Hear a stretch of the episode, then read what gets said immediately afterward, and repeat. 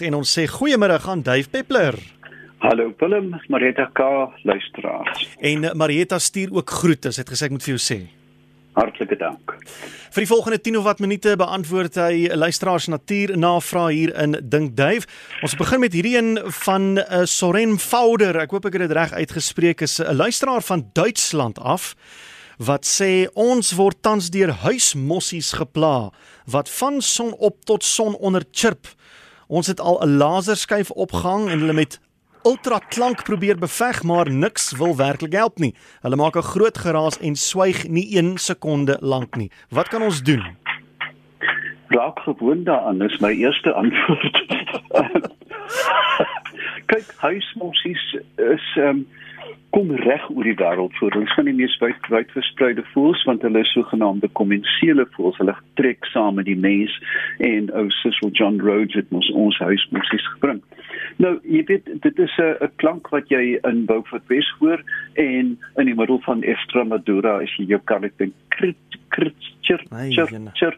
Ja, so Ek dink jy gaan eintlik hulle maklik uh, met enige iets stil kry nie. Uh, die die laser skuwe werk vir omtrent 14 sekondes, ultra klank vir 30 oh. en dan word dit deel van die agtergrond van die voël. Met oh, ander woorde, hulle dit word net eenvoudige konstante ding wat hulle nie bedreig nie. Jy verstaan? Ja. As die laser skuif afspring en die mossie uh, soos met 'n boomerang in die boom uithaal, gaan dit dalk werk. Maar ehm um, wat hulle wat hulle nie moet probeer nie en wat veral in Europa baie gewild is is om 'n opgestopte uil of 'n plastiekuil op te hang want dan gaan die mossies eers beserk raak. Ja. Um, jy verstaan dan gaan o ja, dan gaan hulle vir almal sê dis 'n uil, dis 'n uil. en jy gaan die koor eenvoudig verdubbel. Jy weet dit gaan ook toonhoogte op. Ehm um, so ek is bevrees dat dit is deel van die agtergrond geraas van die res van die wêreld as dit mag troos. Hmm. Goed, maar ten minste weet hy nou wat hy nie moet doen nie. Hy moet hy, hy moenie 'n plastiekuil ophang nie. Um, want meeste voëls dink dit sien dit as bedreiging en dan wil hulle dit hmm. verkondig. Jy verstaan. Ja. en dan um, maar anders is wat 'n mens natuurlik kan doen maar jy kan nie in voorstedelike uh, gebiede doen nie is harde klappers. Jy weet as jy dalk 'n uh, ja. 'n guy fox kaset erns in jou in jou laai of waar gal maar jy weet jy gaan jou bure meer plan jy gaan alle hel op jou kop laat neerdal. Ek uh, my enigste antwoord is uh, aanvaar dit gelate Hier's 'n vraag van Pretoria af Uh hoekom het my paddakoor ophou sing? Hulle het ongelooflik mooi gesing in verskillende stemme en gekwaak en van oujaarsaand af is hulle doodstil nadat die eerste onwettige klappers in ons buurt afgevuur is om middernag. Ehm um, dan skryf die persoon verder uh, uh het hulle dit dalk gesien as 'n groot padda as kompetisie en nou het hulle maar stil gebly of ehm um, want ja want ek ek mis my padda koor en mense moet die wette gehoorsaam eerder eh, die padda kore geniet want nou floreer die muskiete Ja, kyk, ek het um, ek het 'n kleintjie dood aan aan die skiet van klappers want jy sien net paddas wat stil bly nie maar honde en katte raak hysteries. Um, is werklik 'n uh, 'n uh, hou van ontslaa raak. Jy weet daar is geen rede nie kinders verbrand huise brand af. Ehm um, diere raak hysteries.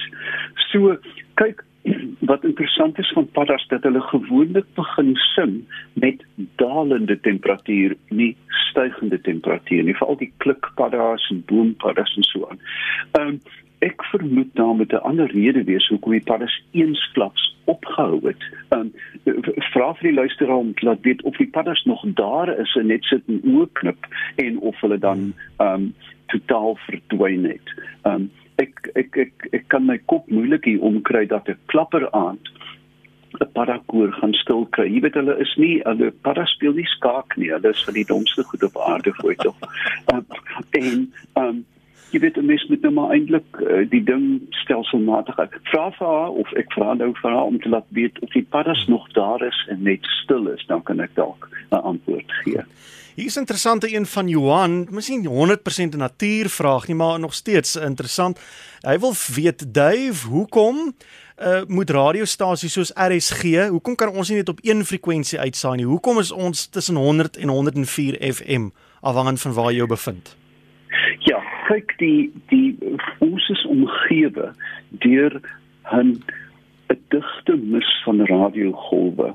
En dis nie net in die radiogolfband nie, dis frequency frequency modulering FM waarop jy uitsaai dan is daar kortgolf daar is nog medium golfbande en dan praat ons nie van bluetooth en wifi en kartoeters in jou huis wat almal straal nie. Ehm um, kom ons gaan dan terug na die cellulêre telefoon. Dit is juist die idee dat hulle in klein selle werk wat met mekaar kommunikeer. Met ander woorde, jy bel nie direk van Johannesburg na na my toe nie, jy bel via 'n hele klomp substasies. En afhangende van jou woongebied frekwensie gebruik deur ander, word jy dan in uh, julle is 100 tot 104, maar binne daai band in verskillende plekke uh, word die sein dan optimaal ingedruk tussen ander. Hmm. Ehm um, dis dis hoe ek dit verstaan. En 'n mens kry ook hierdie hierdie frekwensie skade wees. Daar jy kan jy kan nou onder sê net maar 101.5 is jy in 'n frekwensie skade weer waar die daai spesifieke een nie by jou kan uitkom nie, maar 102.3 kan by jou uitkom en hy is dan die een wat jy opvang. Die die die die die beste voorbeeld is ry met die N1 van Kaapstad na Johannesburg en jy weet jy, elke halfuur moet jy weer instem mm, mm. op jou gunstelingstasie RSG of wat ook al. En uh, mense kry die, die slim radio's doen dit outomaties dat jy nie eens meer jouself hoef te soek nie. Ja, hulle jy weet hulle hulle hulle soek voortdurend. Dit is byna soos 'n televisie se auto tuning. Jy weet die ding wat heeltyd soos 'n 'n radar rond soek na die na die sterkste sein. Maar dit dit gaan uh, eintlik daaroor dat die liggolwe propvol is en dat hierdie hierdie hierdie ehm um, fragmente dan optimaal uitgesaai word binne die omgewing van ander radio's. Hier is 'n vraag van Erika Noordwes, een van ons Engelse luisteraars, maar jy kan gerus in Afrikaans antwoord Dave en sy wil weet, uh, wild animals do they also get tick bite fever?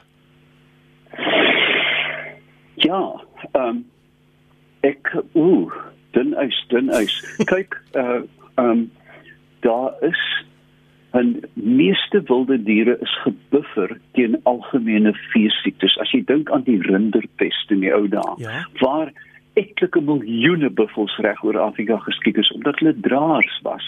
Um na my wete raak hulle nie uh siek soos 'n makdier soos 'n bees wat rooi water opdoen of wat ook al nie.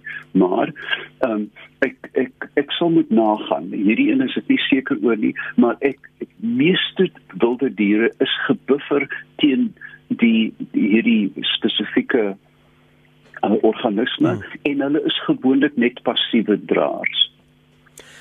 Uh hierso is iemand wat vra ek koop 6 eiers by die supermark gemerk super jumbo en elke een het toe twee eiergele binne in die dop. Hoe gebeur so iets? Was hierdie batteryhoenders wat met steroïde gevoer is?